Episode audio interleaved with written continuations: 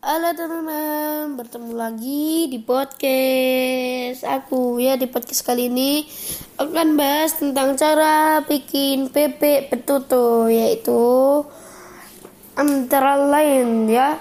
Campur bumbu halus dengan minyak teman-teman. Aduk rata aduk gulung-gulung lumuri seluruh permukaan dan bagian dalam bebek dengan bumbu halus sampai rata ya teman-teman agar gurihnya itu lembut juicy ya teman-teman. Lalu yang kedua adalah bungkus dengan daun pisang teman-teman. Kukus selama 2 jam sampai matang nah gunanya mengukus ya agar dagingnya itu lembut agar bisa dimakan oleh kita kita ya teman-teman. Bakar sampai berwarna kecoklatan sambil sesekali dibalik teman-teman. Angkat lepas daun pisang atau aluminium foil lalu potong bebeknya Lalu potong bebeknya teman-teman bagi kalian suka dengan podcast ini jangan lupa dengerin terus. Bye. Sampai jumpa lagi.